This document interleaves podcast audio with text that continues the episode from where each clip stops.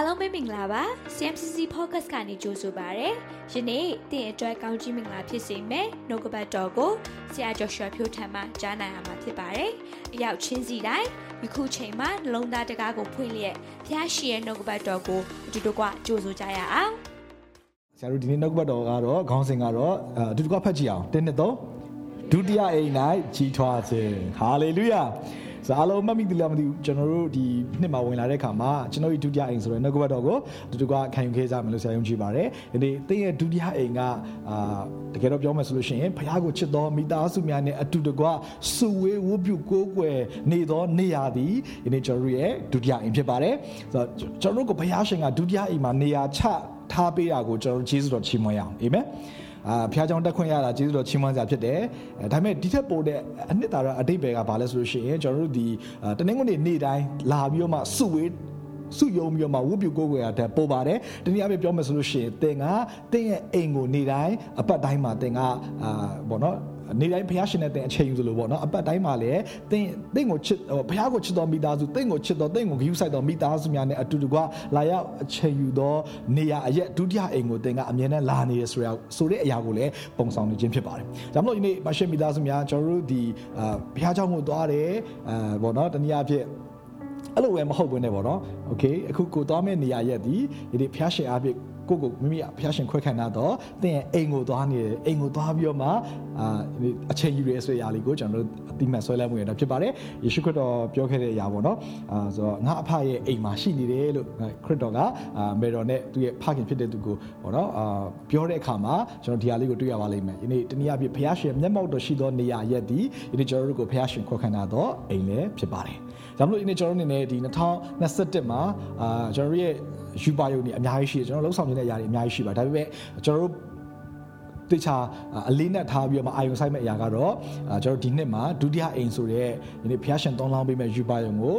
ကျွန်တော်တို့ ministry အသီးသီးအားဖြစ်တော်လကောင်းအသင်းတော်အားဖြစ်တော်လကောင်းမိသားစုအားဖြစ်တော်လကောင်းကျွန်တော်တို့ဒီ training and equipment တွေအားဖြစ်တော်လကောင်းကျွန်တော်တို့အတူတူကလှုပ်ဆောင်သွားမှာဖြစ်ပါတယ်လို့ဆိုတော့ကျွန်တော်တို့အားလုံးသိတဲ့အတိုင်းပဲဒုတိယအိမ်အကြောင်းကိုကျွန်တော်ဝင်ငှခဲ့တဲ့အခါမှာအားလုံးမှတ်မိပါလိမ့်မယ်ရှမွေလိုက်အကြောင်းကိုကျွန်တော်တို့ဝင်ငှခဲ့တာကိုမှတ်မိပါလိမ့်မယ်အချို့သောသူတွေအတွက်ရှမွေလာအကြောင်းလေးကိုအနှဲငယ်လေးပေါ့နော်မြန်မြန်လေးမိတ်ဆက်ပေးရမယ်ဆိုလို့ရှိရင်အာတနည်းအားဖြင့်ဘုရားရှင်နှုတ်ကပတ်တော်အင်မတန်မှရှားပါတဲ့အချိန်ကာလမှာဟန်နာဆိုတဲ့အမျိုးသမီးတယောက်ကစိတ်နှလုံးတော်ပြီးတော့မှဆုတောင်းတဲ့အခါမှာဘုရားရှင်ကသူ့ကိုနားညောင်းလျက်အာဘောနော်တားရဲ့နာကိုဘုရားရှင်ကကောင်းချီးပေးဦးတာမကပဲနဲ့သူ့ရဲ့ဝမ်းကိုလည်းဘုရားရှင်ကောင်းချီးပေးတဲ့အခါမှာတာသမီးရဲ့နိုင်မြောက်များစွာရတာကိုလည်းအဲတွေ့ရတာဖြစ်ပါလိမ့်မယ်အဲ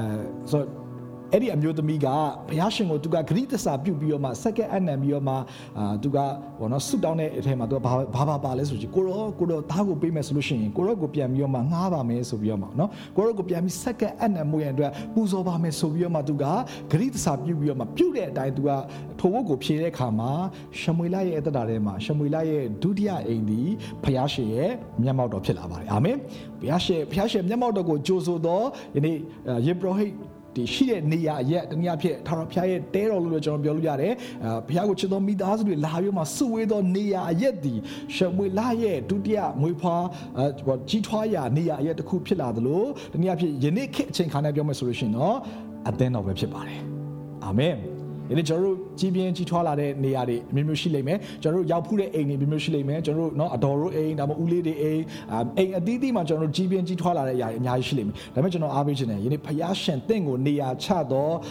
အိမ်ရှိပါတယ်အဲ့ဒီအိမ်ဒီကျွန်တော်တို့ဒုတိယအိမ်လို့လည်းပြောလို့ရတယ်အဲ့ဒါကတော့ယနေ့ကျွန်တော်တို့ဖယားရှင်ကျွန်တော်တို့အတွက်ခွဲခန့်တာတော့အသင်းတော်ပဲဖြစ်ပါတယ်ဆိုတော့ရှမွေလိုက်ရဲ့တက်တာထဲမှာဒီဒုတိယအိမ်ကိုသူရောက်လာတဲ့အခါမှာသူကြီးကြီးပြင်းလာတဲ့အထက်ကနေပြီးတော့မှကြီးထွားခြင်းနဲ့ဆက်ဆိုင်တဲ့ကောင်းကြီးမင်္ဂလာကိုကျွန်တော်တို့အတူတူကသူ့ရဲ့တက်တာ အဖြစ်လေ့လာခံယူဝယ်ရဖြစ်ပါတယ်အရင်ဆုံးအဲ့ဒီအောင်မတော်ခင်မှာကျွန်တော်အေဖာဩရာစာခန်းကြီး3အပိုက်ငယ်30ကနေ17ကိုကျွန်တော်ဖတ်ချင်ပါတယ်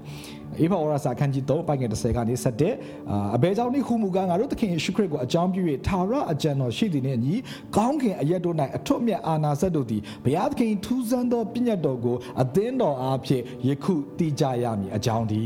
ဟာလေလုယာဒီနေ့ကျွန်တော်ပြီးခဲ့တဲ့ရက်တဲ့ဘက်ကဉာဏ်ပညာရဲ့စပွဲခင်ပေးခြင်းအကြောင်းကိုကျွန်တော်ဝေငှခဲ့ပါတယ် ဆိုတော့အဲ့မှာတော့အချိန်ကမလောက်တဲ့အခါမှာကျွန်တော်နှစ်ခုပဲပေါ့နော်နှုတ်ကပတ်တော်နှုတ်ကပတ်တော်အားအားဖြင့်ကျွန်တော်တို့ဒီအာဉာဏ်ပညာကိုကြိုဆိုပါတနည်းအားဖြင့်ကျွန်တော်တို့ရဲ့အသက်တာထဲမှာနှုတ်ကပတ်တော်ကိုကြိုဆိုတဲ့အခါမှာဉာဏ်ပညာရဲ့စပွဲခင်းပေးခြင်းကိုခံရပါတယ်နောက်တစ်ဒုတိယချက်ကတော့အားလုံးမှတ်မိမယ်ထင်ပါတယ်မျက်မှောက်တော်ကိုကျွန်တော်တို့ဒီကြိုဆိုတတ်တဲ့အခါမှာဘုရားရှင်မျက်မှောက်တော်ကိုဆာငတ်တတ်တဲ့အခါမှာကျွန်တော်တို့ဒီဉာဏ်ပညာရဲ့စပွဲခင်းပေးခြင်းကိုခံရတတ်ပါတယ် တတိယချက်ကိုတော့ကျွန်တော်ပြောခဲ့ပြောခဲ့ဖြစ်ပါဘူးဆိုတော့ဒီတတိယချက်ကိုတော့ဒီနေ့ဒီညမှာလည်းကျွန်တော်ချိတ်ဆက်ပြီးပြောပြချင်ပါတယ်တတိယချက်ကတော့ယနေ့ကျွန်တော်တို့ဒီဖျားရှင်မိမိကိုခွဲခန့်ထားသောဝိညာဉ်ရေးရာမိသားစုဒီဟုသောအသင်းတော်မှာတင်ကြီးထွားတတ်တယ်ဆိုလို့ရှိရင်တင်ဒီဉာဏ်ပညာရဲ့စပွဲခင်းပေးခြင်းကိုခံရတော်သူဖြစ်လာပါလိမ့်မယ်အာမင်ဒါမှမဟုတ်ဒီနေ့ကျွန်တော်အားပေးခြင်းတယ်ဒီနေ့ကျွန်တော်တို့ဒီဘုရားကျောင်းကိုလာပြီးတက်ရုံပဲမဟုတ်တော့ဘူးပေါ့နော်ဒီအမှအင်မတမ်းမှလေးနေတဲ့ဝိညာဉ်ရေးအတိတ်ပဲအတိတ်ပဲတွေပါလာပြီဆိုတော့ကျွန်တော်မိမောင်းထိုးခြင်းတဲ့အရာက ကျွန်တော်တို့ရဲ့တရားတွေမှာဉာဏ်ပညာရဲ့ဇပွဲခင်းပေးခြင်းဒီအသင်းတော်နဲ့ချိတ်ဆက်ခြင်းနဲ့အင်မတန်မှဆက်ဆိုင်နေပါတယ်ဆိုတော့ဉာဏ်ပညာဇပွဲခင်းပေးတဲ့အခါမှာဘာတွေဖြစ်မလဲသူများနဲ့မတူတဲ့အာဒီကျွန်တော်တို့ရဲ့အသက်တာတွေမှာ performance productivity တွေသူများနဲ့မတူတဲ့လှုပ်ဆောင်နိုင်စွမ်းတွေအာကျွန်တော်တို့ရောတက်လိုမျိုးယနေ့ကိုဘာပဲလှုပ်လှုပ်လှုပ်ဆောင်ပြုလေသမျှမှာအောင်မြင်ခြင်းဆိုတဲ့အရာတွေကဘယ်ကနေလာလဲဆိုလို့ရှိရင်ဉာဏ်ပညာရဲ့စပွဲခင်ပေးခြင်းတွေကနေပေါ်ထွက်လာတာဖြစ်ပါတယ်။ဒါကြောင့်မို့ယနေ့ကျွန်တော်ဒီမှာရှင်းမိသားစုအားပေးခြင်းပါတယ်။စစ်မှန်တဲ့အောင်မြင်ခြင်းကယေရှုခရစ်တော်မှာရှိပါတယ်။အာမင်။ လောကထဲမှာကျွန်တော်တို့ရှားရှားမလို့ပါဘူးခရစ်တော်ထဲမှာစစ်မှန်တဲ့အောင်မြင်ခြင်းစစ်မှန်တဲ့ကြွယ်ဝခြင်းစစ်မှန်တဲ့ငြိမ်သက်ခြင်းကယေရှုခရစ်တော်ထဲမှာရှိပြီးသားဖြစ်ပါတယ်တချို့တွေကကြတော့ဒါကိုအာဒါဟိုနော်အောင်မြင်ခြင်းတွေကြွယ်ဝခြင်းတွေဒီဟာတွေက spiritual နဲ့ပေါ့နော်မဆက်ဆိုင်တယ်လို့လို့ပြောနေတဲ့အရာတွေလည်းအများကြီးရှိပါတယ်အဲ့ဒီအတွက်ကြောင့်အင်မတန်မှဝမ်းနည်းစရာကောင်းတဲ့အရာပါလဲဆိုရင်တချို့တွေကဖျားရှင်ကောင်းကြီးပေးနေတော့ညာလည်းပဲထိုကောင်းကြီးကိုညင်းပယ်တဲ့သူတွေရှိတယ်ထိုကောင်းကြီးကိုကြိုဆိုဖို့မုံမရဲဖြစ်တဲ့သူတွေရှိတယ်ဘာကြောင့်လဲဆိုရင်ကျွန်တော်ဘာကိုခံစားရလဲဆိုရင်အသင်းတော်ကမှန်ကန်စွာမတော်တယ်လို့ဖြစ်တယ်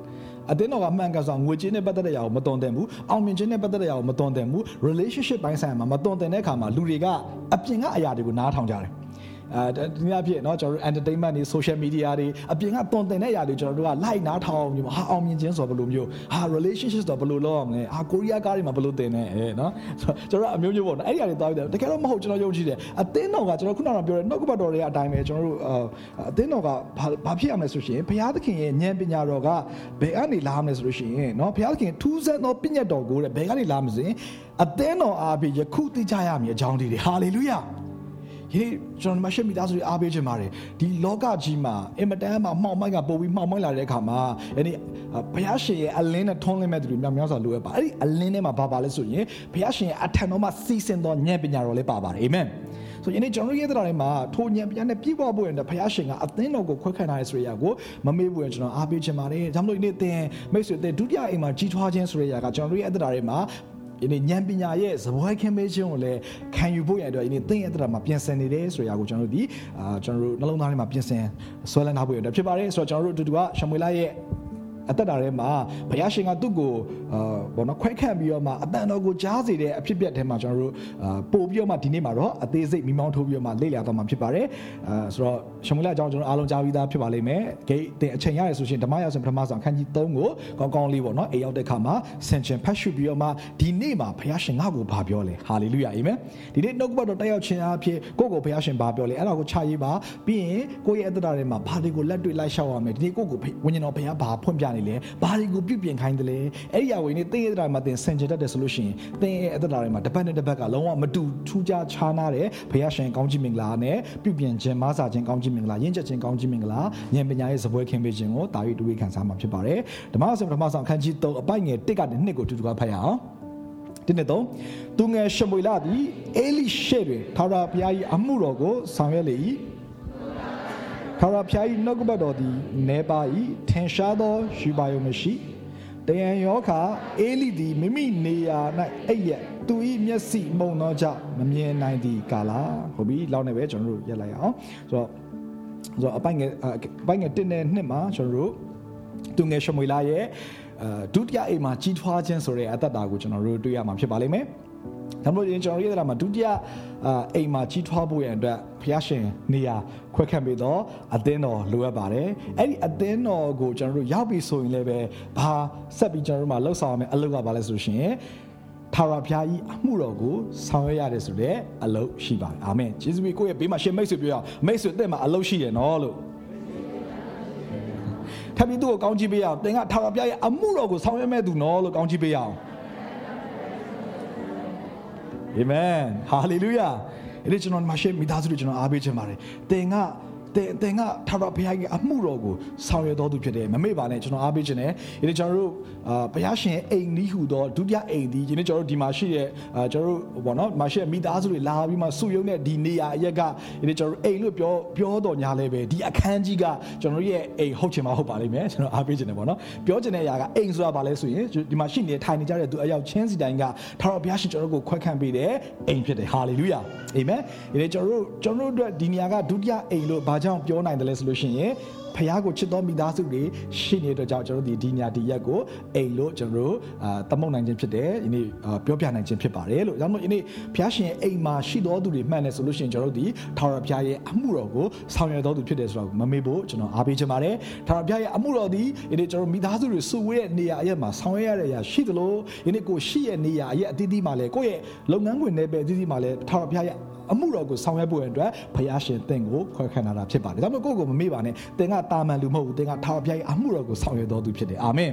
သင်ကဘယင်တကာရဲ့ဘယင်အရှင်တကာရဲ့အရှင်ရဲ့ဒီနေ့သူ့ရဲ့ခွဲခန့်တဲ့အလုပ်တွေကိုဆောင်ရွက်နေတော်သူဖြစ်တယ်ထပ်ပြောလဲကျွန်တော်အားပေးချင်ပါတယ်သင်အလုပ်လုပ်တဲ့အခါမှာတစုံတယောက်တည်းလုပ်နေလို့သင်စဉ်းစားရဆိုရင်သင်ပင်ပန်းလိမ့်မယ်ဒါမှမဟုတ်ရှင်လာခရဖို့အတွက်ပဲသင်လုပ်နေဆိုလို့ရှိရင်လည်းသင်ရဲ့တက်တာတွေမှာအာ ဘောနော်လုံလောက်တဲ့ကြီးထွားဟိုနော်မှန်ကန်တဲ့ကြီးထွားမှုကိုတင်တွေ့ရချင်မှတွေ့ရပါလိမ့်မယ်အဲဒါပေမဲ့ယင်းကျွန်တော်တို့ဒီတစုံကြောက်ကိုလုံနေဆိုတာရဲ့အရာထက်ကိုယ့်အတွက်လှုပ်တာဒါမှမဟုတ်ရှင်တစုံကြောက်တဲ့လှုပ်တာဒါမှမဟုတ်ရှင်ဒီဘောနော်ဒီ foreigner တစုံကြောက်တဲ့ငါကအလုပ်လုပ်ပေးနေရတယ်ဆိုတဲ့အတွေးမြင်နေတဲ့ယင်းကျွန်တော်တို့ရဲ့အသက်တာတွေမှာနှုတ်ကပတ်တော်ကိုဆင်ခြင်အောင်မိလက်ကိုဘာပဲလှုပ်လို့ကိုလှုပ်တဲ့အရာဒီဘယင်တကာရဲ့ဘယင်အရှင်တကာရဲ့အရှင်ကိုလှုပ်ဆောင်နေရလို့တင်တွေးကြည့်ရဆိုလို့ရှိရင်သင်ရဲ့တရားတွေမှာစက်မှန်တဲ့လွတ်မြောက်ခြင်းခံစားရလိမ့်မယ်အာမင် ခါလေကျွန်တော်တို့ကမကျေနပ်ဘူးခေါင်းဆောင်မကျေနပ်ဘူး boss ကိုမကျေနပ်ဘူး manager ကိုမကျေနပ်ဘူးအဲကိုယ့်ရဲ့ပေါ့နော်ဒီဒီ project leader ပေါ့နော်မကျေနပ်တဲ့ຢာကျွန်တော်အများကြီးရှိလိမ့်မယ်ကျွန်တော်အားပေးချင်ပါတယ်ဘုရားရှင်တဲ့တဲ့ကိုဘာကြောင့်အဲ့နေရာမှာထားရလဲတဲ့အားဖြင့်ကောင်းကြီးမင်္ဂလာဖြစ်စေဖို့အတွက်ဖြစ်တယ်အာမင်ဘာတင်ဘာပဲလုပ်လို့ပါဘုရားအတွက်လှုပ်ဆောင်လို့တင်တွေးတွေးကြည့်လိုက် အဲဆိုလို့ရှိရင်သင်ရဲ့ productivity ကပြောင်းလဲသွားလိမ့်မယ်။သင်ရဲ့ performance တွေလည်းပြောင်းလဲသွားလိမ့်မယ်။ hallelujah ။သင်ရဲ့လှုပ်ဆောင်နိုင်စွမ်းသင်ရဲ့အရေးအသွေးအရေးချင်းတွေကလည်းသူများနဲ့မတူခြားနာတဲ့ဗိတ်သိက်ပေးခြင်းကိုသင်ရဲ့တရားမှာသင်တွေ့ကြုံခံစားမှာဖြစ်ပါတယ်။ Okay ဆိုတော့ဒီနေ့မှာဘာကိုကျွန်တော်တွေ့ရလဲဆိုရှင်အာထာဝရဘုရားအမှုတော်ကိုဆောင်ရတယ်ထိုကာလ၌ထာဝရဘုရား၏နှုတ်ကပတ်တော်သည်နေပါတယ်ထင်ရှားသောယူပါယုံမရှိဆိုပြီးတော့မှဒီထဲမှာကျွန်တော်တွေ့ရပါလိမ့်မယ်ဆိုတော့ဒီကျွန်တော်ရဲ့အတ္တတွေမှာအာ တခုလေကျွန်တော်အားပေးချင်တဲ့ຢာကအာဝိညာဉ်အရာမိသားစုတွေမှာအာကျွန်တော်တို့မှာရွေးရွေးချယ်လို့ရတဲ့အာရွေးချယ်ပိုင်ခွင့်ရှိလို့ကျွန်တော်အနေနဲ့နားလည်ပါတယ်အဲ့တို့ကြောင့်ဒီကျွန်တော်ရဲ့အတ္တတွေမှာအာကိုကြီးထွားရမယ့်နေရာရဲ့မိသားစုကိုဒီကျွန်တော်တို့ဒီအာရွေးချယ်ဖို့ရန်အတွက်ရွေးချယ်တဲ့ဖို့ရန်အတွက်ကျွန်တော်ဒီမှာရှေ့မိသားစုတွေကိုအားပေးချင်ပါတယ်။ဘာကြောင့်လဲဆိုလို့ရှိရင်အာအချို့သောဒီကျွန်တော်တို့နေရာအရက်တွေကဆိုလို့ရှိရင်ခေါင်းဆောင်မှုပေါ်မှာမူတည်ပြီးတော့မှအာဒီကျွန်တော်တို့နှုတ်ကပတ်တော်က နေပါတယ်ယူပါယုံကမထင်ရှားဘူးဆိုတဲ့အရာတွေဖြစ်တတ်ပါတယ်။ဘာကြောင့်လဲလို့ကျွန်တော်ပြောပြချင်တယ်။အဲ့ဒါဘာလဲဆိုလို့ရှိရင်အာအင်မတန်မှဖះကိုချစ်တော်သူတွေပါပဲ။ဒါပေမဲ့အာကျွန်တော်ဒီတော့ဒီမှာလည်းဖျားရှင်နှုတ်ဆော့ခံစားရတာကဒါလည်းအားလုံးသိပြီးသားဖြစ်ပါလိမ့်မယ်။မှောင်မိုင်တကူကအင်မတန်မှပါနေတယ်ပေါ့နော်။သူကအာဒီဟိုသွေးဆောင်ဖျားရောက်နေဆိုရဲအရာကိုလည်းသူကကျွမ်းကျင်သလိုတစ်ဖက်မှာလည်းပဲနှုတ်ဘတ်တော်ထဲကနေနှုတ်ဘတ်တော်နဲ့ပြန်ပြီးတော့မှပေါ့နော်။သူကပြန်ပြီးတော့လူကိုတိုက်ခိုက်တဲ့အခါမှာလည်းအင်မတန်မှကျွမ်းကျင်တော်သူဖြစ်တယ်။ဆိုတော့မှောင်မိုင်တကူရဲ့သူသူ့ရဲ့နာမည်အားလုံးသိတယ်။သူကပါလဲဆိုရင်မုတာရဲ့အဖပေါ့နော်။လိမ့်လိမ့်လေတဲ့သူပေါ့နော်။တနည်းအားဖြင့်အမြဲတမ်းလိမ့်လေတယ်ဆိုတော့ဒီအာဒီအေဝါကိုလည်းသူပဲနော်နော်ပေါ့နော်လူတို့ပူရှေတွေထည့်ပြီးတော့မှဖြုတ်ပြီးတော့မှပြောပြီးတော့မှเนาะဒီလိုမျိုးလိန်လည်လှည့်ပြားခဲ့တယ်လို့ပဲအသင်းတော်ကိုလည်းသူကအခုချိန်တည်းအောင်လိန်လည်နေစေဖြစ်တော့ကျွန်တော်တွေ့ရပါလိမ့်မယ်အဲ့ဒါပါလေအဲ့ဒီမှာတစ်ခုကပါလဲဆိုလို့ရှိရင်ဝိညာဉ်စုကျေးဇူးတွေကပျောက်ဆုံးသွားပြီမရှိတော့ဘူးဆိုပြီးတော့မှအာပြောနေတဲ့အရာတွေဖြစ်ပါတယ်နော်ဘယ်လောက်ထိအောင်ကြီးမားတဲ့လိမ်လည်မှုတွေရှိလဲဆိုရင်တဘာဝတဲ့လွန်တဲ့အမှုရာတွေကအာမရှိတော့ဘူးเนาะဒီအသင်းတော်မှာမဖြစ်ပြနိုင်ဘူးမရှိနိုင်ဘူးဆိုတဲ့အရာကိုအာပြောနေတဲ့အရာတွေကျွန်တော်ကြားပါလိမ့်မယ် ဆိုရိုးလေးပါပဲကျွန်တော်တို့ဘယ်နေရာမှာကြီးပြင်းမလဲကျွန်တော်တို့ကြီးပြင်းတဲ့နေရာအနေအထားတိုင်းကျွန်တော်တို့ကဘာဖြစ်လာမလဲဆိုလို့ရှိရင်အဲ့ဒီရဲ့ဘောနော်သွားနိုင်တဲ့ဒီဟိုအတိုင်းတာပမာဏလောက်အထိပဲကျွန်တော်တို့ကသွားနိုင်မှာဖြစ်ပါတယ်ဒါကြောင့်မလို့ကျွန်တော်တို့ဟိုဘယ်လိုလဲကျွန်တော်အသင်းတော်တွေကိုကျွန်တော်ပြောချင်တာဟိုဘယ်လိုလဲအာလေးစားတယ်အသင်းတော်ဒီကိုဖျားရှင်ခွဲခန့်ထားတဲ့ခေါင်းဆောင်တွေရှိအောင်ကျွန်တော်လေးစားပါတယ်ဒါပေမဲ့ကျွန်တော်သတိထားမယ့်အရာကအချို့သောနေရာတွေကနှုတ်ကပတ်တော်နေပါတယ်ဆိုလို့ရှိရင်ကျွန်တော်တို့ကြီးထွားရမယ့်နေရာတခုမဟုတ်ဘူးလို့ကျွန်တော်အားပေးချင်တယ် နှုတ်ကပတ်တော်နဲပါတယ်ဆိုတဲ့အရာတွေမှာဘာလဲရှိလဲဆိုလို့ရှိရင်တနည်းအားဖြင့်နှုတ်ကပတ်တော်ကိုအမြဲတမ်းအချိုကြီးပဲကြားနေရရင်တော့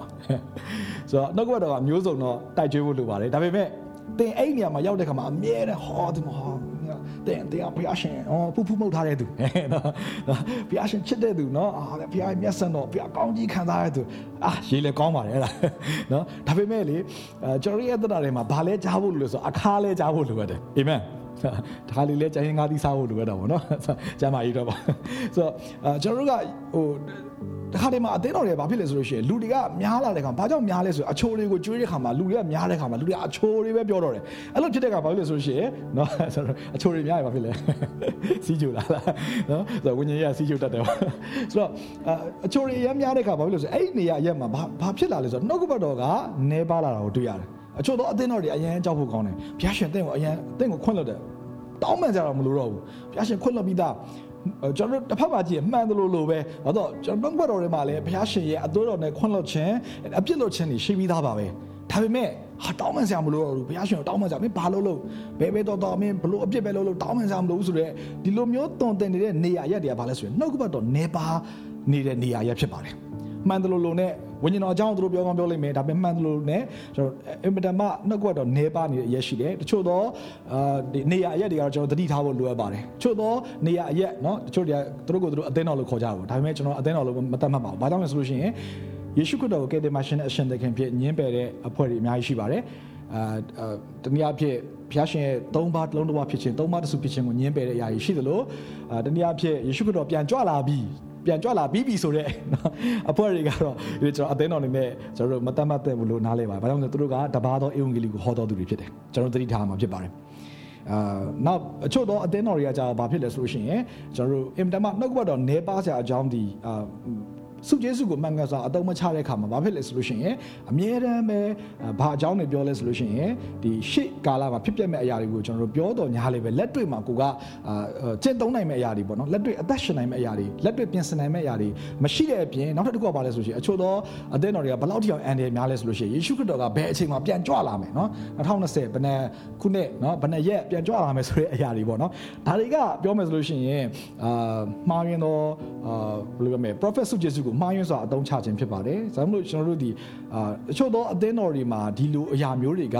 ဒီလိုဒီလိုမျိုး ministry ကိုဥဆောင်တဲ့အရာဒီလိုအသင်းတော်မျိုးကိုဥဆောင်နေတဲ့နေရာအရက်ဒီကျွန်တော်ပြောပြချင်ပါတယ်။အဲ့ဒါအဲ့ဒီနေရာအရက်ကနှုတ်ကပတ်တော်နဲပါတဲ့နေရာရက်ဖြစ်တယ်။ယူထင်ရှားသောယူပါယုံမရှိသောနေရာရက်ဖြစ်တယ်လို့ဒီနေ့ကျွန်တော်အနေနဲ့အားပေးချင်ပါတယ်ပြောပြချင်ပါတယ်။ကျွန်တော်သတိထားဖို့စင်ကြင်ဖို့ရနေကျွန်တော်ပြောပြချင်ပါတယ်။ဘာကြောင့်လဲဆိုလို့ရှိရင်ဖခင်ရှင်နှုတ်ကပတ်တော်တက်ရောက်လာမယ်ဆိုလို့ရှိရင်အဲ့ဒီနှုတ်ကပတ်တော်ကဒီတမန်တော်နဲ့ဆက်ဆိုင်တဲ့ဖြစ်ခြင်း apostolic နဲ့ဆက်ဆိုင်တဲ့ဒီအဲ့ဒီတွန်တင်ခြင်းအဲ့ဒီ birthday အောက်ကနေယနေ့သွားမှသာလျှင်ယနေ့အဲ့ဒီအသင်းတော်အဲ့ဒီ body of Christ ကတနည်းအားဖြင့်ခရစ်တော်ရဲ့ခန္ဓာကိုယ်ကအာကျမ်းမာလာမှာဖြစ်ပါတယ်။ဒါကြောင့်မို့ယနေ့ကျွန်တော်အားပေးချင်ပါတယ်။ယနေ့ကျွန်တော်တို့ပါဝင်မဲ့အသင်းတော်တက်ရောက်မဲ့အသင်းတော်ချိတ်ဆက်မဲ့အသင်းတော်ဒီမှာရှယ်ကျွန်တော်တို့နော်စင်ကူနိုင်ငံမှာကျွန်တော်တို့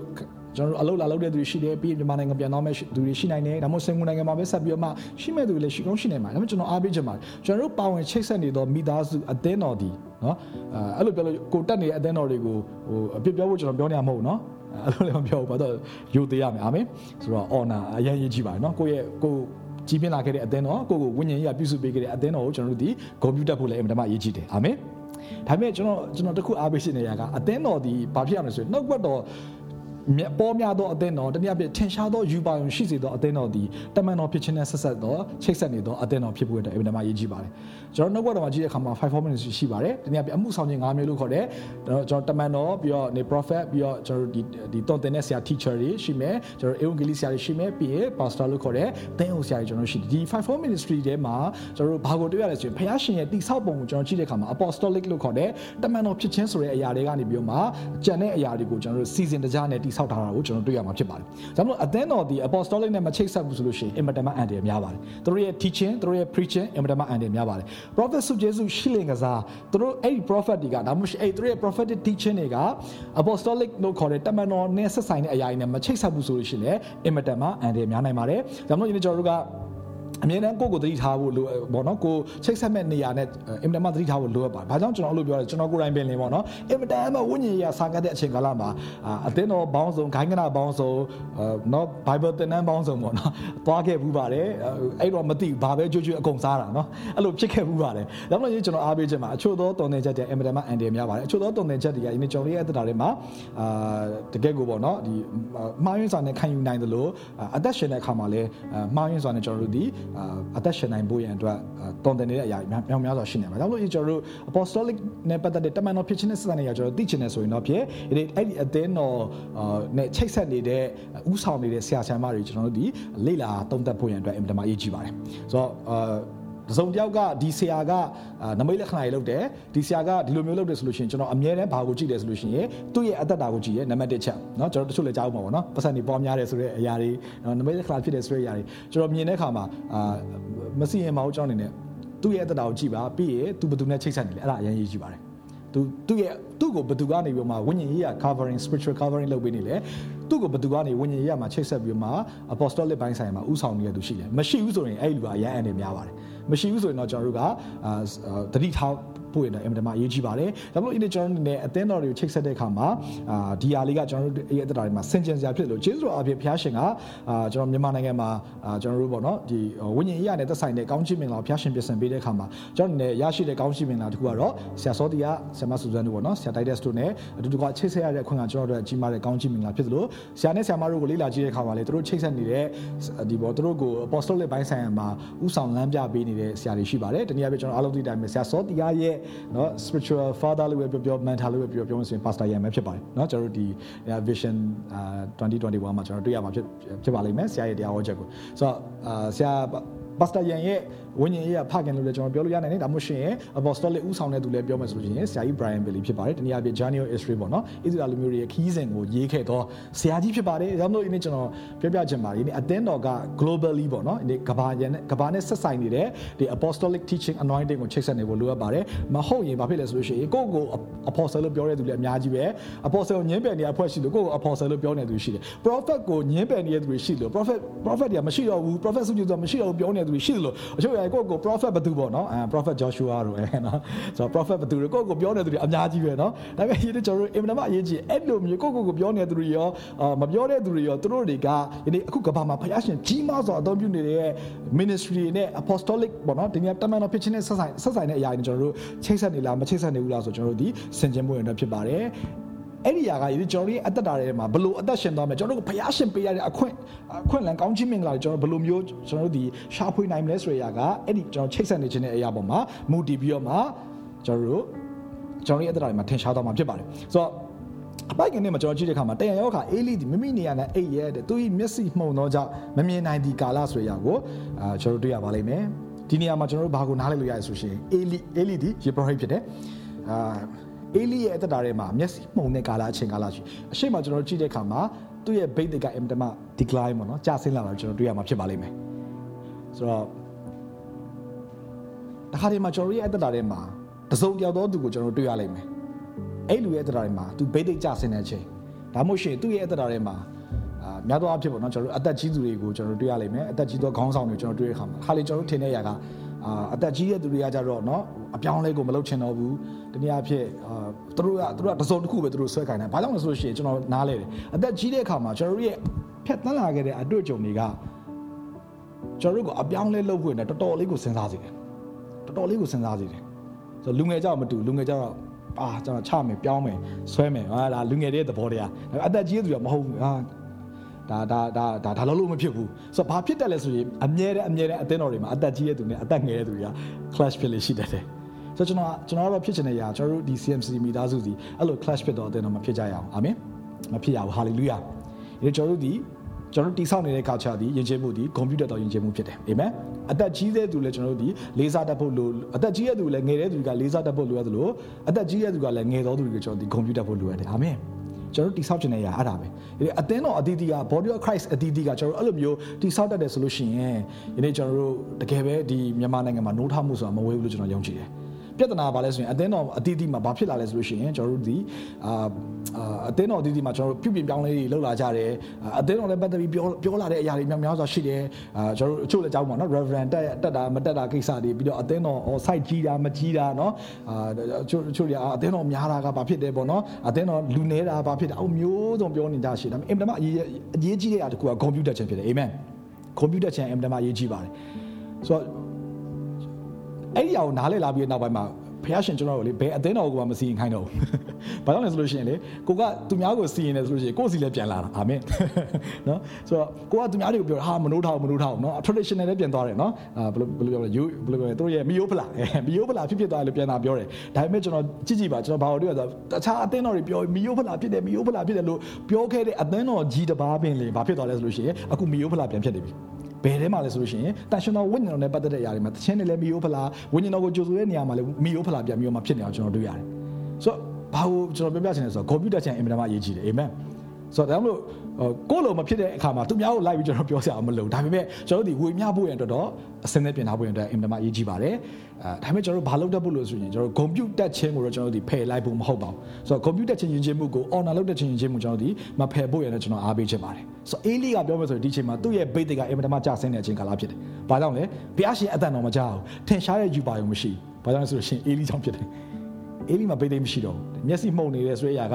တနည်းအားဖြင့် physically လို့ကျွန်တော်ဒီရုပ်ပိုင်းဆိုင်ရာမှာအားနေတဲ့အချိန်ကာလတစ်ခုဖြစ်သလိုဝิญဉ်ရေးရပိုင်းဆိုင်ရာမှာသူ့မှာဘုရားရှင်ကြီးမှတော့ဘိတ်သိမသုံးတော့မသုံးတော့တဲ့အချိန်ကာလတစ်ခုရှိတယ်တခုရှိတဲ့အခါမှာကျွန်တော်တို့လူငယ်တွေအနေနဲ့ဆိုလို့ရှိရင်အဲ့လိုမျိုးလူတွေနဲ့တွေ့ပြီဆိုလို့ရှိရင်ကျွန်တော်တို့ကဟာဒီဆရာဒါဒီဆရာမကနော်ဟို ဘာလဲမသိဘူးပေါ့နော်ငါတို့လှုပ်ချင်တာဒီလိုမျိုးငါတို့အတင်းတော်မှာငါတို့လှုပ်ချင်တာဒီလိုဘာလို့ तू ကပေးမလုပ်တာလဲဘာလို့ तू ကဒီလိုမျိုးမမြင်နိုင်တာလဲကျွန်တော်အဲ့လိုမျိုးတွေးမိကောင်းတွေးမိနိုင်တယ်ဒါပေမဲ့ကျွန်တော်အားပေးချင်တယ်အာဒီမှာရှစ်မိသားစုကျွန်တော်ပေါ့နော်ကျွန်တော်ရဲ့တက်လာမှာလည်းဆင်ခြင်အောင်မလို့ဒီမှာရှစ်သူတွေလည်းကျွန်တော်အားပေးချင်ပါတယ်ကိုကိုကိုဘုရားရှင်တွန်းလောင်းပေးလာတဲ့ဘိတ်သိက်စုကျေးစုအားဖြင့်ကျွန်တော်တို့ဒီဘုရားရှင်အရင်ကတုံးခဲ့ဘူးတဲ့သူတွေကိုဘယ်တော့မှမစင်မိပါစေနဲ့အာမင်ခါလေးချို့ပြောလိုက်မယ်ဟာဆရာတွေကိုမစင်ရင်ပါနဲ့မပြောပါနဲ့အမှန်တော့လေအဲ့ဒါ ဟိုဘယ်လိုပြောမလဲတကယ်တော့အရေးကြီးတယ်ကျွန်တော်အဲ့ဒါမှကျွန်တော်ဒါကိုတိုင်ကိုတေးပေါ့နော်ဆရာဆန်ပြီးရတစ်ချက်လုံးကိုတေးပေါ့နော်ကိုကဟိုဘုရားပိတ်သိပ်ထားတဲ့သူကအင်တမအရေးကြီးပါတယ်ဒီလိုပြောလိုက်လို့ကျွန်တော်အရင်ကြောက်ဖို့မဟုတ်ဟာဒီမှာဟိုပြောလို့မရဘူးဝေဖန်လို့မရဘူးကျွန်တော်အဲ့လိုပြောချင်တာတော့မဟုတ်ဒါပေမဲ့မစင်ရင်မိတက်ဖို့အင်တမအရေးကြီးပါတယ်အဲ့လိုမျိုးဘုရားရှင်ပိတ်သိပ်တဲ့လူကိုစီရင်သွားတဲ့အခါမှာကိုကကိုက ကိုကသူ့ထက်ပိုပြီးသိနေတယ်ကိုကသူ့ထက်ပိုပြီးတော့ကျွန်တော်ရဲ့တရားတွေမှာဘုရားရှင်ဝိညာဉ်တော်ရဲ့တောင်းလောင်းတက်ရောက်ခြင်းခံစားရတဲ့အခါမှာကိုယ့်ရဲ့အတွေ့အကြုံကသူ့ရဲ့အတွေ့အကြုံထက်မတူတဲ့အတွေ့အကြုံတွေကိုခံစားရဟာကိုကကိုယ့်ကိုပို့သလိုခံစားရတယ်ကိုကအသက်ဆန်းတွေကိုတွေ့တဲ့အခါမှာလူငယ်လေးဖြစ်တဲ့အခါမှာဟာကိုကအင်တမတက်ကြွတဲ့အခါမှာဟာကိုကိုလောက်မတက်ကြွတော့ဘူးလို့ထင်ခဲ့တဲ့အချိန်ကာလမျိုးရှိခဲ့တယ်ပြီးတော့ကိုကဝိညာဉ်ဝိညာဉ်တော်ရဲ့ဖွင့်ပြခြင်းတွေခံစားရတဲ့အခါမှာဉာဏ်ပညာမရှိဘဲနဲ့ကိုကအသင်းတော်ဟာဘယ်လိုတည်ဆောက်ရတယ်ဟာဘယ်လိုဘယ်လိုလုပ်ရတယ်ဆိုပြီးတော့မှကျွန်တော်ရဲ့အသက်တာထဲမှာပြောခဲ့ဘူးတယ် ကိုယ့်ရဲ့အရှိမရှိတဲ့ခေါင်းဆောင်တွေအသက်ကြီးတဲ့သူတွေကိုပြောခဲ့ဘူးတယ်အတင်းတော်ဆိုဟာဘလို့ဘလို့တိဆောက်ရတာဘလို့ဘလို့လုပ်ရတာပေါ့နော်ဘာလို့လဲဆိုဝိညာဉ်တော်ဖះစာဖွင့်ပြနေပြီလေဖွင့်ပြနေတဲ့အခါမှာကိုကအရန်ပြောချင်တာဒါပေမဲ့ဉာဏ်ပညာမရှိခဲ့ဘူး wisdom မရှိဘူးဘယ်အချိန်မှာပြောမလဲဆိုတော့မသိမသိခဲ့ဘူးဘလို့ပြောမလဲကျွန်တော်ကျွန်တော်မသိခဲ့တဲ့အခါမှာအဲ့ဒါကိုလည်းကျွန်တော်ပြန်ပြီးရေးသိမ်းခဲ့ရတယ်ဒါပေမဲ့ကျေးဇူးတော်ချီးမွမ်းစရာက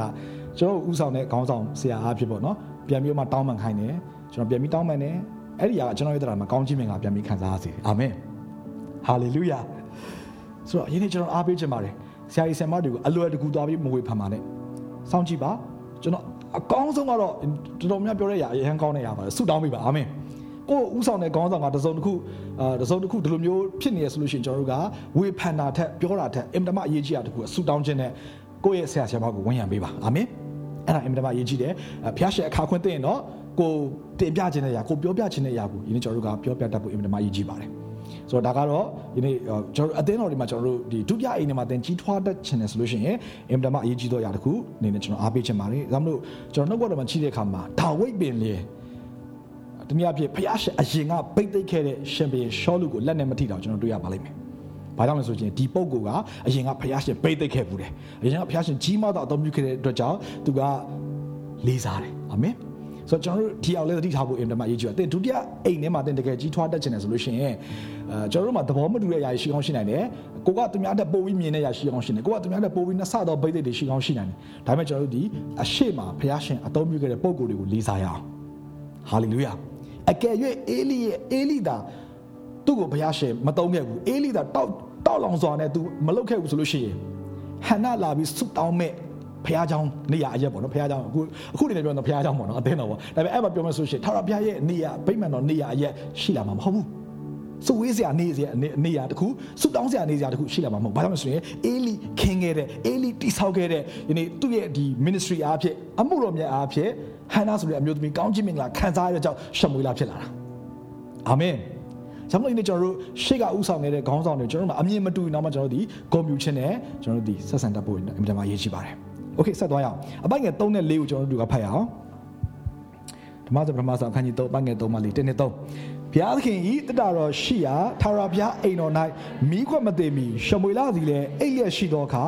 ထာဝရဘုရားသည်ရှမွေလကိုခေါ်တော်မူ၍ရှမွေလကကျွန်ုပ်ရှိပါသည်ဟုသူသည်ဖြင့်9နဲ့6ကျွန်တော်ဆက်ပြီးအတူကဖတ်လိုက်အောင်အေလိထံသို့ပြေး၍ကိုရောခေါ်သောကြောင့်ကျွန်ုပ်လာပါသည်ဟုဆိုလျင် အေလိကငါမခေါ်အိတ်တော်ဟုဆိုသည့်တိုင်ရှမွေလသွား၍အိပ်ပြန်လေ၏တဖန်ထာဝရဘုရားကရှမွေလကိုခေါ်တော်မူလင်ရှမွေလသည်ထပြီးလင်အေလိထံသို့သွား၍ကိုတော်ခေါ်သောကြောင့်ကျွန်ုပ်ဆိုတော့ငါမခေါ်ငါတာအိတ်တော်ဟုဆို၏โอเคဆိုတော့ဒီနေရာမှာကျွန်တော်တို့ဘာကိုတွေ့ရလဲဆိုလို့ရှိရင်အေးအာရှမွေလရဲ့ထာဝရဘုရားရဲ့အတန်တော်ကိုကြားရတဲ့ အဖြစ်ပြအချိန်တစ်ခုကျွန်တော်တွေ့ရပါလိမ့်မယ်အဲ့ဒီအချိန်ကာလကထာဝရဘုရားရဲ့အတန်တော်ကိုလည်းလူတွေမကြားရဘူးဗျာဒိတ်ယူပါုံလည်းမထင်ရှားနေတဲ့အချိန်ကာလဖြစ်တဲ့အချိန်ခါမှာအာစပြီးတော့မှဘုရားရှင်ကထာဝရဘုရားရဲ့အိမ်တော်မှာသူကမိကွက်မသေးခင်မှာစပြီးတော့မှရှရှမွေလာအိတ်နေရဲဆိုရအောင်ကျွန်တော်တွေ့ရပါလိမ့်မယ်။ဒါမှမဟုတ်ကျွန်တော်ရဲ့အတ္တတွေမှာဘုရားရှင်နေရာချပေးသောဒုတိယအိမ်နေရာရဲ့ဘုရားရဲ့မျက်မှောက်တော်ထဲမှာပျော်မွေးတတ်ဖို့ရန်အတွက်အင်မတန်မှအရေးကြီးပါတယ်။ဆိုတော့ဒီနေရာမှာကျွန်တော်တို့ သတိထားကြတခုဘာလို့တွေ့ရလဲဆိုရင်ထာဝရဘုရားသည်ရှမွေလာကိုခေါ်တဲ့အခါမှာတဲ့ကျွန်တော်ကလည်းပြောကြည့်အောင်အကျွန်ုပ်ရှိပါသည်။ဟာလေလုယာ။ဒီမှာရှေ့မိသားစုများဘုရားရှင်တင့်ကိုခေါ်ရင်အကျွန်ုပ်ရှိပါသည်လို့ထူးတက်ဖို့ရတဲ့အတွက်အသင်ပြန်အောင်အာမင်ဆိုတော့ဒီမှာချစ်ချစ်စရာကောင်းတဲ့နေရာတစ်ခုရှိတယ်အဲ့ဒါဘာလဲဆိုလို့ရှိရင်ဘုရားရှင်ကရှမွေလကိုခေါ်တဲ့အခါမှာအေလိအတန်ကဲသူဖြစ်တာကိုကျွန်တော်တွေ့ရတယ်အေလိရဲ့အတန်ကဲသူခေါ်တာကိုတွေ့ရတယ် ဘာကြောင့်လဲဆိုလို့ရှိရင်ရှမွေလကသူ့ကိုအေလိခေါ်တယ်လို့ထင်ပြီးတော့မှအေလိစီကိုပြေးသွားတာပေါ့နော်ဟာငါဆရာကခေါ်ပြီးပေါ့နော်ခေါ်ပြီးဆိုပြီးတော့အေလိစီကိုပြေးသွားတယ်ပြေးသွားပြီမဲ့လေမဟုတ်ဘူးတဲ့နော်တစ်ခါခေါ်ပြီးတော့နောက်နောက်တစ်ခါလည်းသူထပ်သွားပြန်အောင်မဟုတ်ဘူးလို့ထပ်ပြောပြန်အောင်နော်သုံးကမြောက်မှသာလေသူ့ကိုစကားပေါ့နော်အေလိက instruction ပေးတာကိုကျွန်တော်တွေ့ရပါလိမ့်မယ်ဆိုတော့ဘုရားရှင်ကလေတခါတည်းမှာသူ့ရဲ့သူ့ရဲ့အတန်တော်ကိုဘယ်ကနေလဲပြောတတ်လေရှိလေလို့ရှိရင်တင့်ကိုချစ်တော် အာ sorry တင့်ကိုပြုစုပေးနေတော့ဆရာဆရာမတင့်ရဲ့ mentor လည်းဖြစ်နိုင်တယ်ဝိညာဉ်ရေးပြုစုပေးနေတဲ့သူစီကနေတစ်ဆင့်လဲဘုရားရှင်ကတင့်ကိုစကားပြောနိုင်တယ်အာမင်ဒါမှမဟုတ်ကျွန်တော်ရဲ့အတ္တတွေမှာဝိညာဉ်ရေးမှာကျွန်တော်တို့ကိုပြုစုပေးနေတဲ့သူတွေရှိဖို့လိုအပ်တယ် spiritual covering လိုအပ်ပါတယ် mentor လိုအပ်ပါတယ် ကိုယ့်ကိုကြည့်ရှုပြုစုပေးမဲ့ဆရာဆရာမလိုအပ်ပါတယ်ဆဲလီဒါတွေလိုအပ်ပါတယ်ဘာလို့လဲဆိုလို့ရှိရင်ကျွန်တော်ကျွန်တော်ရဲ့တရားအဲ့လိုမျိုးမရှိဘဲသွားမယ်ဆိုလို့ရှိရင်ကျွန်တော်ရဲ့နောက်ကျောမှာဘာတွေလိုအပ်နေတယ်လဲဆိုရကျွန်တော်ရဲ့ blind spot လို့ပြောမလားပေါ့နော်ကျွန်တော်ရဲ့လိုအပ်ချက်ကျွန်တော်ရဲ့ weakness တွေကိုကျွန်တော်ကိုယ့်ကိုမမြင်နိုင်တော့ညာလဲပဲကိုယ့်ကိုဥဆောင်ပေးနေသူတွေကမြင်တတ်ပါတယ်နောက်တစ်ခုကဘာလဲဆိုရင်ထာဝရဘုရားရဲ့အတန်တော်ကို ကြားရတဲ့ဒီနေ့ကျွန်တော်တို့ journey ခရီးစဉ်ထဲမှာကောင်းမွန်တဲ့အလေးထားတစ်ခုပါလဲဆိုရှင်ကိုယ့်ရဲ့ဥဆောင်နေတဲ့ခေါင်းဆောင်တွေနဲ့အတူတိုင်ပင်သွားတဲ့ခြင်းဖြစ်ပါတယ်။ကိုယ့်ရဲ့ relationship နဲ့ပတ်သက်ပြီးမှတိုင်ပင်တိုင်ပင်တိုင်ပင်နိုင်တဲ့ဝိညာဉ်ရပြည့်ဝတော်သူတွေဝိညာဉ်မိခင်ဝိညာဉ်ဖခင်တွေအင်တမလိုအပ်ပါတယ်။စီးပွားရေးလုပ်ငန်းနဲ့ပတ်သက်ပြီးမှတိုင်ပင်ဖို့ဝိညာဉ်ရမိခင်ဝိညာဉ်ရဖခင်တွေလိုအပ်ပါတယ်။ ministry လည်းထိုနည်းတူပါပဲ။တိုင်ပင်ဖို့ရတဲ့ဝိညာဉ်ရမိခင်ဖခင်တွေအင်တမလိုအပ်ပါတယ်။ဘာကြောင့်လဲဆိုတော့တစ်ခါတည်းမှာဘုရားရှင်စကားပြောတဲ့အခါမှာသင်အရင်နှီးဆုံးသောပုဂ္ဂိုလ် တင်ချစ်ရသောပုဂ္ဂိုလ်တင်လေးစားသောပုဂ္ဂိုလ်အားဖြင့်လေဘုရားရှင်ကအာစကားပြောလေးရှိပါတယ်ဆိုတော့တခါတည်းမှာကျွန်တော်ရဲ့အသက်တာတွေမှာလည်းဒီလိုမျိုးအာကျွန်တော်အရင်ကလည်းပြောခဲ့ပူပါတယ်ကျွန်တော် corner stone ကိုကျွန်တော်ရောက်ဖို့ရတဲ့ကျွန်တော်အတန်ကြားရတယ်ပေါ့နော်ဆိုတော့ဆရာစောတီကပြောပါတယ်ဒီမြန်မာနိုင်ငံကနေပြီးတော့မှစင်ကာပူကိုသွားဖို့ရတဲ့ပေါ့နော် ဆယ်လုံးမဲ့အမှုတော်ဆောင်တွေရှိတယ်အဲ့ဒီထဲမှာဘသူဘသူဆိုပြောတယ်ဆိုတော့အဲ့ဒီထဲမှာအာကျွန်တော်ကျွန်တော်ကအဲ့အချိန်ကပေါ့နော်ဟိုချီတုံချတော့ဖြစ်နေတဲ့အချိန်ပေါ့နော်တနည်းအားဖြင့်ကျွန်တော်ရဲ့သမီးလေးကက်ထရီယာကမွေးပြီးတဲ့အချိန်ကာလာဖြစ်တဲ့အခါမှာကျွန်တော်လည်းသွားမယ်ဆိုရင်ဘုရားရှင်ဘယ်ဖို့ဖို့သွားဖို့ကျွန်တော်အဆင်သင့်ရှိတယ်အဲတနည်းအားဖြင့်ဟိုဘုရားဘုရားရဲ့အစီခံချက်မှုရတယ်မှာကျွန်တော်တို့အာဒီလိုမျိုးအသင်းတော်နဲ့ဆက်ဆိုင်တဲ့အရာလှုပ်ဆောင်ရတယ်ဆိုတဲ့အရာကအသစ်တော်ရဖြစ်တဲ့ကြောင့်ကျွန်တော်အင်မတန်မှရင်ခုန်ဆေးလို့ရှာခဲ့တော့ဆူတောင်းခဲ့တော့အရာတခုလည်းဖြစ်ပါတယ်ဒါပေမဲ့ကျွန်တော်သမီးလေးကလည်းမွေးကာတာဖြစ်တဲ့အခါမှာကျွန်တော်တို့ကလည်းအင်မတန်မှပေါ့နော်စဉ်းစားစရာပေါ့နော်ဟာဟိုဟိုနည်းနည်းပေါ့နော်တိုင်ရောစင်ရရှိနေပေါ့နော်အာဘယ်လိုလုပ်အောင်လဲမသိဘူးပေါ့နော်အဲသူကလည်းခုမှမွေးကာစားဆိုတော့ကိုကလည်းနှလုံးသားကလည်းနော်ဂျုံကုန်းမှာပေါ့နော်အဲ့တော့ပြောမှစင်အဲ့မှာရှိတဲ့ခါမှာအရန်ကိုစဉ်းစားဒါပေမဲ့အိမ်မက်တစ်ခုမှတ်တယ်အဲ့ဒီအိမ်မက်ထဲမှာဘာလဲဆိုလို့ရှိရင်အာဇပွဲဝိုင်းတစ်ခုရှိတယ်အဲ့ဒီဇပွဲဝိုင်းကဘာလဲဆိုပါစတာရန်ကနေပြီးမှဇပွဲဝိုင်းမှာလာထိုင်မှုဖိတ်ခေါ်တယ်ဝေါအဲ့ဒီအိမ်မက်မက်ပြီးကကျွန်တော်သိသွားပြီ ချင်းစီတယ်ငါစင်ကူသွားရမယ်ထင်တယ်လို့ဒါကျွန်တော်ကျွန်တော်ဘယ်သူမှမပြောပါကျွန်တော်ပြောတယ်ကျွန်တော်ဇနီးတွေကိုကျွန်တော်ပြောတယ်ကျွန်တော်ဇနီးဇနီးတွေကလည်းအဲသူအမြဲတမ်းကျွန်တော်ကိုအမြဲတမ်းဒီအိမ်မက်ပေါ့နော်အိမ်မက်ယူပါအမြဲတမ်းပြောလို့ရှိရင်သူ့ရဲ့ language တစ်ခုပေါ့နော်ဒါဒါဒါဒါကျွန်တော်သူသူနဲ့နေတဲ့ခါမှာသူ့ရဲ့ဝิญဉ်ရေးစုကျေစုတစ်ခုကျွန်တော်တွေ့ရရတာကအမြဲတမ်းသူအိမ်မက်တော်တော်ခဏခဏမှတ်တယ်သူမှတ်တဲ့အိမ်မက်ထဲမှာအိုးဒေါအောင်ဆန်းစုကြည်ပါလိုက်နော်ဆရာမစုဇန်နာမင်းပါလိုက်အမြဲတမ်းပဲပါဆိုတော့တခါလေကျွန်တော်အားအားပေးချင်တယ်နော်တခါလေကိုကဆရာသမားတွေအိမ်မက်မှတ်တယ်နော်အဲ့ဒါဖခင်ရှင်တင့်ကိုစကားပြောနေတာဖြစ်တယ် ကိုယ့်ရဲ့ဆရာဆရာမရဲ့အတန်အားဖြင့်ကိုကိုလေးစားတဲ့ဆရာဆရာမအားဖြင့်ပြောနေတဲ့အရာတွေလည်းတခါတည်းမှာဖခင်ရှင်ကတင့်ကိုဝိညာဉ်ရေးရပိုင်းဆိုင်မှာเนาะလမ်းပြပေးနေတယ်တွန်တင်ပေးနေဆိုရလဲဖြစ်တတ်တယ်ဆိုတာကိုကျွန်တော်အနေနဲ့ဒါကျွန်တော်ရဲ့ဝိညာဉ်ဖခင်ရှင်အတန်တော်ကိုနားထောင်ခြင်းနောက်ထပ် next process တစ်ခုအနေနဲ့ကျွန်တော်အနေနဲ့အားပေးချင်ပါတယ်ဆိုတော့ yeah နောက်ထပ်ကျွန်တော်ဆက်ပြီးမှဖတ်ရအောင်အချိန်လဲဟိုရှိတဲ့ကတော့အပိုက်ငယ်အဲကျွန်တော်ငါ6ဖတ်ပြီးသွားပြီနော်9နဲ့10ကိုကျွန်တော်တို့ကဖတ်ရအောင်နော် ရှမွေလာသည်ထာဝရဘုရားကိုမသိသေးဗျာဒိတ်တော်ကိုမခံရသေးတတိယအကြိမ်ထာဝရဘုရားကရှမွေလာကိုခေါ်တော်မူရင်ရှမွေလာထပြီးလေအေလိထံသို့တွား၍ကိုတော်ခေါ်သောကြောင့်ကျွန်ုပ်လာပါသည်ဆိုတော့ထာဝရဘုရားသည်ထိုသူငယ်ကိုခေါ်တော်မူကြောင်းကိုအေလိသည်ရိပ်မိလင်ကျွန်တော်အပတ်က9နဲ့10ပဲတစ်ခါလေးဆက်ဖတ်အောင်တင်သွား၍အေဦးတော့နောက်တစ်ဖန်ခေါ်လင်အိုထာဝရဘုရားအမိတ်ရှိတော်မူပါကိုတော်ကျွန်ကျွန်ုပ်ကြားပါသည်ဟုရှောက်ရမည်အကြောင်း ရှမွေလကိုမှာရသည့်အတိုင်းရှမွေလသား၍မိမိနေရာ၌အိတ်လေ၏ထာဝရအပိုင်ငယ်30ဆက်ပြီးဖတ်အောင်အိုထာဝရဘုရားသည်လည်းရှေးနီတူလာရဲလျက်ရှမွေလရှမွေလဟုခေါ်တော်မူလျင်ရှမွေလကအိုထာဝရဘုရားအမိတ်ရှိတော်မူပါကိုရောကျွန်ကြားပါသည်ဟုရှောက်လေတော့အာမင်ကျွန်တော်လိုက်အဝန်ခံအောင်ဝန်ခံတဲ့အခါမှာအရင်တော့ကျွန်တော်လိုက်ပြောအိုထာဝရဘုရားအမိတ်ရှိတော်မူပါ ယနေ့ကိုရောကျွန်ဆွေရဲ့နေရာမှာကိုရောကျွန်ဂျောရှုအာဖြိုအဲနော်ကိုနာမည်ကိုထည့်မယ်နော်ကိုရောကျွန်ဂျောရှုအာဖြိုကြားပါသည်အာမင်အဲ့ဒါလေးကိုပြန်ပြီးဝန်ခံမယ်အာအိုထာဝရဘုရားအမိတ်ရှိတော်မူကနေစမယ်နော်တင်းနေတော့အိုထာဝရဘုရားအမိတ်ရှိတော်မူပါကိုရောကျွန်ဂျောရှုအာဖြိုကြားကြားတော်ကြားတော်မူပါ၏ကြားပါသည်အာမင်မြန်မာစကားခက်လိုက်တာနော်ကြားပါသည်အာမင်ဆိုတော့ယနေ့ဒီတစ်ခေါက်မှာ ခေါ်တဲ့အခါမှာအေလိကနားလဲသွားတယ်အာကျင်းနေတယ်ဖះရှင်ဒီသူငယ်ရှမွေလကိုစကားပြောနေပြီဆိုတဲ့အရာကို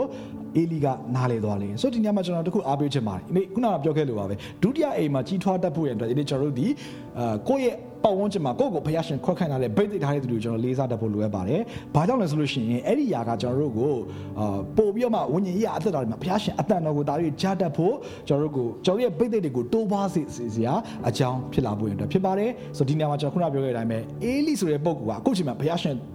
သူသူ့မှာဘိသိမ်းမရှိတော့ကျွန်တော်ပြောလို့ရတယ်သူ့ရဲ့မိဘကရွှေ့ပြီးသွားပြီသူ့မှာဘာဘိသိမ်းမှမရှိတော့ဘူးအာသူ့ရဲ့အမှားရင်းတချို့ကြောင့်လည်းပါတယ်ခန္ဓာပိုင်းဆိုင်မှာလည်းအားနေပြီဘုရားရှင်သုံးသုံးတော့တဲ့သူမဟုတ်ဘူး ဒါပေမဲ့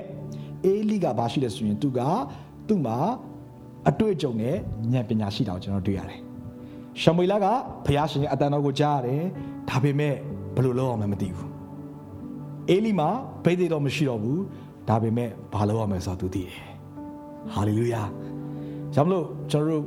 အသင်းတော်မှာပြပြကျွန်တော်တို့ဘောနော်ရှေ့ကဖျားရှင်တုံးခဲ့တဲ့ဆရာဆရာမတွေကျွန်တော်လေးစားတတ်ဖို့ အင်မတန်အရေးကြီးရတဲ့တခုကဘာလဲဆိုရင်တခါတည်းမှာလူငယ်တွေကဖျားရှင်အတန်တော်ကြားတယ်။ယူပါယုံနေအင်မတန်မှရတယ်။ဒါပေမဲ့လေဘယ်လိုလုပ်ရမလဲမသိဘူး။ဘယ်အချိန်မှာဘာလုပ်မလဲဆိုတာမသိဘူး။အဲ့ဒါပြဿနာဖြစ်တယ်။ဆိုတော့တခါလေးမှာကျွန်တော်တို့လူငယ်တွေဘာကြောင့်အမှားရင်းလောက်ကြလဲလောက်တက်ကြလဲဆိုလို့ရှိရင်ကျွန်တော်တို့ကအတန်ကိုကြားရပေမဲ့ဘယ်လိုလုပ်ဆောင်ရမလဲဆိုရယ်ဟောင်းဆိုတဲ့ process ကိုမသိကြဘူးပြီးအဲ့ how ဆိုတဲ့ process ဆိုတဲ့ wisdom ကိုဘယ်ကနေစီးထွက်တတ်လဲဆိုလို့ရှိရင် ဒီဖယားရှင်ဗိတ်သိက်တော်ဆရာဆရာမတွေစီကစီးထွက်တတ်တယ်ဆိုတော့ကျွန်တော်ဒီမမေ့ဖို့ရတဲ့အင်မတန်မှအရေးကြီးပါတယ်အာမင်ဆိုတော့ရှမွေလကဘာမှမသိဘူးဒါပေမဲ့အေလီကသိတယ်အေလီကဆိုတော့ဘာပြောရဆိုရင်အေလီဒီရိပ်မိတယ်တဲ့အာမင်သူကရိပ်မိတယ်ဘာလို့ဒါဖယားရှင်ခေါ်တာဘာလို့သူ့မှာအတွေ့အကြုံရှိခဲ့ဘူးလို့ဆိုတော့ကျွန်တော်ရေးတဲ့မှာဒါအင်မတန်မှရေးကြည့်ပါတယ်အာကျွန်တော်တို့ဒီ ရှေ့ကဘုရားရှင်တုံးခဲ့တဲ့ပုံကိုယ်ကြီးအာကိုယ့်ရဲ့ခေါင်းဆောင်ကျွန်တော်ဒီလေးစားတတ်ဖို့အင်မတန်မှရေးကြည့်ပါတယ်တခါတည်းမှာချုပ်ကကိုယ့်ရဲ့ခေါင်းဆောင်ကကိုယ့်လောက်ဝိညာဉ်ပိသိမရှိတဲ့အခါမှာကျွန်တော်တို့ကတခါတည်းမှာကိုကဟိုမထီမဲ့မြင်ပြုချင်တယ်ပေါ့နော်ဟာ तू ကငါးလောက်တော့ဝိညာဉ်စုကျေစုမရှိဘူးငါးလောက်တော့စုတောင်းခြင်းမှာအားမကြီးဘူးအဲတခါတည်းကျွန်တော်အဲ့လိုမျိုးထင်တတ်တယ်ဒါပေမဲ့လေတခါတည်းမှာကိုယ့်ကိုခွဲခံရတဲ့ဝိညာဉ်ရေးရခေါင်းဆောင်တွေမှာဒီနေ့ သူ့ရဲ့သူ့ရဲ့အတ္တတွေမှာအထံတော်မှာလာတော့ဘုရားရှင်တုံးလောင်းပေးနေတဲ့ဝိညာဉ်စုကျေးဇူးတွေကိုလည်းကျွန်တော်တို့ဒီဂုဏ်ပြုခြင်းအားဖြင့်အတိမတ်ပြုတ်တယ်ဆိုလို့ရှိရင်အဲ့ဒီစုကျေးဇူးတွေကျွန်တော်တို့ရဲ့အတ္တမှာစီးဆင်းစရာအကြောင်းဖြစ်ပါတယ်။ဒါကြောင့်ဒီကျွန်တော်တို့ရဲ့ပတ်ဝန်းကျင်မှာကျွန်တော်တို့ကိုခွဲခန့်လာမဲ့ခေါင်းဆောင်တွေကိုလေးစားတတ်ဖို့အင်မတန်မှအရေးကြီးပါတယ်။ဆိုတော့ဆက်ပြီးကြည့်တဲ့အခါမှာအေလိကနားလေသွားတဲ့အခါမှာသူ့ရဲ့ wisdom အားဖြင့်သိသွားတဲ့အခါမှာလမ်းညွန်ပေးတတ်တယ်။ဆိုတော့ကျွန်တော်တို့ကဒီသုံးခုလေးလိုက်ပြောကြည့်အောင် direction correction instruction မရှိမိသားစုများကျွန်တော်တို့ကြီးကြီးပြရမယ့်ဒုတိယအိမ်ဒီအဲ့ဒီ၃ချက်နဲ့တင့်ကိုအမြဲတမ်းတွန်တင်ပေးနေတော့အိမ်ဖြစ်ဖို့လိုအပ်တယ်ကျွန်တော်အားပေးခြင်းနဲ့ CMC အသင်းတော်ဒီအာလူတိုင်းကိုကျွန်တော်လက်ခံတယ်တင်ဘလို့ချင်းနေမျိုးဖြစ်ဖြစ်တင်ဘလို့အနေထားမျိုးပဲရှိနေပါစေကျွန်တော်တို့လူတိုင်းကိုလက်ခံတယ်ဘာကြောင့်လဲဆိုရှင် ကျွန်တော်တို့ကိုယ်တိုင်ပဲလေကြီးမားသောအပြစ်သားတွေဖြစ်ခဲ့တယ်ဒါပေမဲ့ဖခင်ရှင်ခွင့်လို့တယ်အာမင်သင်ဘလို့အနေထားမျိုးပဲရှိနေပါသေးသင်ဒီညကိုလာလို့ရတယ်ဘာလို့ဒီနေရာဒီနေရာကသင်သင်အတွက်ဖခင်ရှင်ခွင့်ခံတာတော့နေရာရဖြစ်တယ်ဟာလေလုယာအာမင်ဒါပေမဲ့ယနေ့ကျွန်တော်တို့ရဲ့အတ္တတွေမှာဘာလဲလိုရလဲဆိုရှင်ကျွန်တော်တို့ကိုတွန်တင်လက်ချပဲ့ပြင်ပေးနေဘူးရဲ့အတွက်လည်းအင်တမလိုအပ်တော့ လိုအပ်နေပါလေဆိုတော့ကြောင့်မလို့ဒီနေ့ကျွန်တော်တို့ဒီဒုတိယအိမ်အနေနဲ့ကျွန်တော်တို့ဘာကိုလုပ်ချင်လဲဆိုလို့ရှိရင်ကျွန်တော်တို့ဒီမိသားစုဒီတနည်းအားဖြင့်လူတွေကို direction ပေးတော့အသင်းတော်တနည်းအားဖြင့်ဘယ်ကိုသွားမလဲဘာကိုလုပ်ဆောင်မလဲဆိုတဲ့လမ်းညွှန်ချက်ကိုပေးတော့အသင်းတော်ဖြစ်ချင်တယ်လို့ correction ဒီဟူသောမိမိရဲ့အတ္တတွေမှာမိမိကိုတစုံတစ်ယောက်ကပြုပြင် ပြုပြင်ပေးနေတဲ့အတ္တတာပြီးတော့ကိုယ့်ကိုပြင်ဆင်ပေးနေတဲ့အဲအိမ်အတ္တတာဖြစ်ဖို့ရတော့လေအင်မတန်မှလိုအပ်ပါတယ်တခါတည်းမှာကျွန်တော်တို့ကကိုယ့်ရဲ့အသင်းတော်မှာလူတွေကပျောက်သွားမှဆိုတဲ့အခါမှာလူတွေဟိုလူတွေဆက်ပြီးရှိနေခြင်းတဲ့အခါမှာအာနေရတယ်ဘာမှเนาะဒီလိုဆက်ဖြစ်เนาะဒီလိုဆက်မှားဘာမှဖြစ်ဘူးเนาะအဲ့လိုလက်ခံအဲအဲ့လိုမျိုး အဲ့လိုမျိုးရှိတဲ့အခါမှာဘာဖြစ်လဲဆိုရင်ကျွန်တော်အသင်းတော်မှာလူတွေကများကောင်းများလာနိုင်တယ်ဒါပေမဲ့ဘာဖြစ်လဲဆိုရင်အဲ့လူတွေအတ္တတာတွေမှာအဲ့ဒီအမားကိုဆက်ပြီးတော့မှဆက်ပြီးမားစေမယ်ဆိုလို့ရှိရင်တော့ဒါကအဆင်မပြေပါဘူးဒါပေမဲ့ကျွန်တော်အားပေးချင်ပါကျွန်တော်တို့ကြီးထွားမဲ့ဒုတိယအင်းဒီဒီနေ့တင့်ကိုတင့်မားရင်မားတယ်ဆိုတဲ့အရာကိုချစ်ချင်းမေတ္တာအားဖြင့် prophet ဆုကျေးဇူးအားဖြင့်ပြုပြင်တုံ့တက်ပေးနေတော့အသင်းတော်ဖြစ်ဖို့လိုအပ်ပါတယ်အာမင်ဟာလေလုယာ ဆိုတော့အိမ်ဆိုရရလဲထုံးနေတူပါပဲเนาะကျွန်တော်ကြီးပြလာတဲ့အခါမှာကျွန်တော်တို့ကိုပြုပြင်ပေးနေတဲ့မိခင်ဖခင်တွေရှိတယ်ဆိုတော့ correction အင်တမရေးကြည့်ပါတယ် instruction ဘယ်လိုလုပ်ဆောင်မယ်ဆိုရရကိုဒီကျွန်တော်တို့ရဲ့အသက်တာတွေမှာလမ်းညွှန်ပြသပေးနေတော့ဒုတိယအိမ်ဖြစ်တဲ့ပုံရတော့လဲအင်တမရေးကြည့်ပါတယ်ဆိုတော့ဒီသုံးချက်ကိုလည်းဆိုတော့ကျွန်တော်အခြေတမတော့ပြောတော့ဒါလေးသုံးခုမှတ်ထားပြီးပါဒုတိယအိမ်မှာကျွန်တော်ကြီးထွားတဲ့အခါမှာဒီအချက်သုံးချက်အပြည့်ကြီးထွားပုံရအတွက်အင်တမရေးကြီးထွားတဲ့ပုံအင်တမရေးကြည့်ပါတယ်အပိုက်ငယ်30မှာတော့အာကျွန်တော်ကျွန်တော်လိုက်ပြောကြည့်အောင်ရှမွေလာရှမွေလာဆိုတော့ကိုယ်နာမည်ခေါ်ကြည့်အောင် Joshua Joshua Mary Mary ဆိုတော့ပထမကျွန်တော်သတိထားမိလားကျွန်တော်ကြည့်တဲ့အခါမှာဘုရားရှင်ကရှမွေလာကိုခေါ်တယ်ရှမွေလာလို့ခေါ်တယ်ကြားတယ်သူသွားတယ်အာအာလို့ပြောမယ်သူ့ရဲ့အေလီသူ့ရဲ့ဆရာမခေါ်ဘူးနောက်တစ်ခေါက်ထပ်ကြတယ်ရှမွေလာသွားတယ်ဆရာပြောတယ်မခေါ်ဘူးဒါပေမဲ့ရိပ်မိသွားတယ်ကျင်းဒီပေါ့ဒါဘုရားရှင်သူ့ကိုစကားပြောနေပြီโอเคဒီအခောက်မှာပြင်ဆင်ထားပါ ဆို instruction လာပြီကိုယ့်ရဲ့အသက်တာထဲမှာဝိညာဉ်ရဲ့အသက်တာထဲမှာဘုရားရှင်အခုအကောင်းကြီးသွန်းလောင်းတော့မယ်2021မှာဘုရားရှင်ဘာကြီးလုပ်တော့မယ်နော်စပွဲခင်းပေးတော့မယ်အိုးပြင်ဆင်ပါလို့စပြီးပြောတဲ့အခါမှာဘာဖြစ်လဲဘာဖြစ်လာလဲဆိုရှင်ရှမွေလာကဒီအချိန်မှာ तू နားလေသွားပြီဒီအချိန်မှာ तू သူ့ရဲ့ဆရာသမားစီကနေ तू ကြားလိုက်တဲ့အရာအဖြစ်ဒီအချိန်မှာငါလောက်ရမယ့်အရာကကျွန်ုပ်ရှိပါတယ်ဆိုပြီးတော့မှဒီနေ့ကိုတော့ပြောပါဆိုပြီးတော့မှနှလုံးသားကိုပြင်ဆင်တဲ့အချိန်မှာဒီတစ်ခေါက်မှာကြားရတဲ့အရာကစကလုံးနှလုံးဖြစ်တယ်ရှမွေလာရှမွေလာဟာလေလုယာရှမွေလာရှမွေလာဒီနေ့ဘာလို့လဲဆိုလို့ဆိုရင်ဒီဗြိဉ္ဉ်ပြုတ်ခြင်းကိုလဲဆိုလို့ရတယ်ရှမွေလပထမရှမွေလဒီကောင်းကင်ဒုတိယရှမွေလဒီမြေကြီးဟာလေလုယာအာမင်ဒီကောင်းကင်ရဲ့မြေကြီးဟာလေလုယာနဲ့ဆက်ဆိုင်တဲ့ဗြိဉ္ဉ်ကိုဘုရားရှင်ကတင့်ရတဲ့မှာပြုတ်မယ်ဆိုတဲ့အရာကိုဖော်ပြနေတာဖြစ်တယ်အာမင်ဒါမှမဟုတ်ကျွန်တော်ဒုတိယအိမ်မှာကျွန်တော်ကြီးထွားတဲ့အခါမှာဘုရားရှင်တင့်ကိုနာမည်နဲ့တော့ခေါ်တော်ဘုရားဖြစ်တယ်။နာမည်နဲ့တော့သူတော်ဘုရားလည်းဖြစ်တယ်။ဟာလေလုယာ။ဒါလို့ဘုရားရှင်ထပ်ပြီးခေါ်အောင်မယ်ကျွန်တော်ခုနလိုမျိုးပဲထပ်ပြီးမှကိုယ့်ရဲ့နာမည်နဲ့ကျွန်တော်ထပ်ပြီးပြောရအောင်။ Joshua Joshua ဟိုဆရာအားတော့မရော့လားအာမင်ဒီကျွန်တော်အားပေးခြင်းနဲ့ဘုရားရှင်2027မှာတင့်ကိုကြီးမားစွာအသုံးပြုပါအာမင်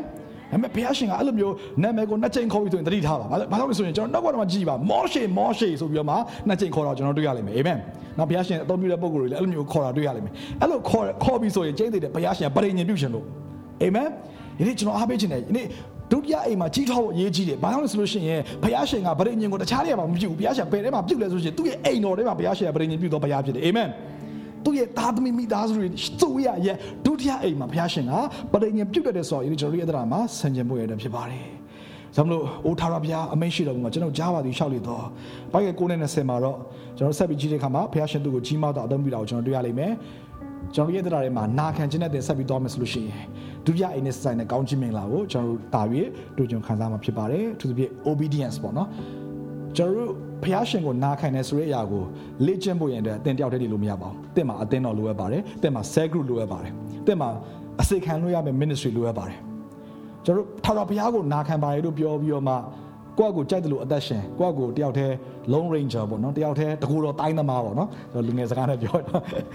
အဲ့လိုနေဖို့ဘုရားရှင်လို့တော့မရှိပါဘူး။ဘာလို့ကျွန်တော်တို့ကိုပြုပြင်ပေးမဲ့သူလိုအပ်တယ်ကျွန်တော်တို့ကိုပဲ့ပြင်ပေးမဲ့သူလိုအပ်တယ်ကျွန်တော်တို့ကိုအာဟောနော်ချစ်ချင်းမြတ်တာထဲမှာတိဆောက်ပေးနေမဲ့သူတွေလိုအပ်ပါတယ်ကျွန်တော်ဒါကတော့ဟောနော်အသင်းသားအနေနဲ့ပြောမယ်အသင်းအသင်းတော်အနေနဲ့ကျွန်တော်ဘာလုပ်ဖို့လို့ဆိုရင်အသင်းသူအသင်းသားတိုင်းကိုထိုကဲ့သို့ဘုရားရှင်ကိုနာခံလက်ကြီးထွားတဲ့သူတွေဖြစ်ဖို့ပြုစုတတ်ဖို့အမှန်တမ်းရည်ကြည့်ပါကျွန်တော်ခဏမှမတည့်ရအောင်ယ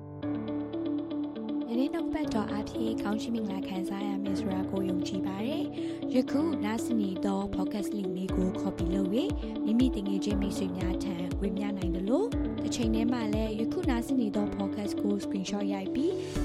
#cmcc podcast ကိုမိမိ Facebook wall ပေါ်တွင် share ခြင်းအပြင်ပါဝင်နိုင်ပါတယ်။နောက်ပတ်များရင်ပြန်လည်ဆုံတွေ့ကြရအောင်။ရောက်ချင်းစီတိုင်းဖျားရှင်ကောင်းကြည့်ပေးပါစေ။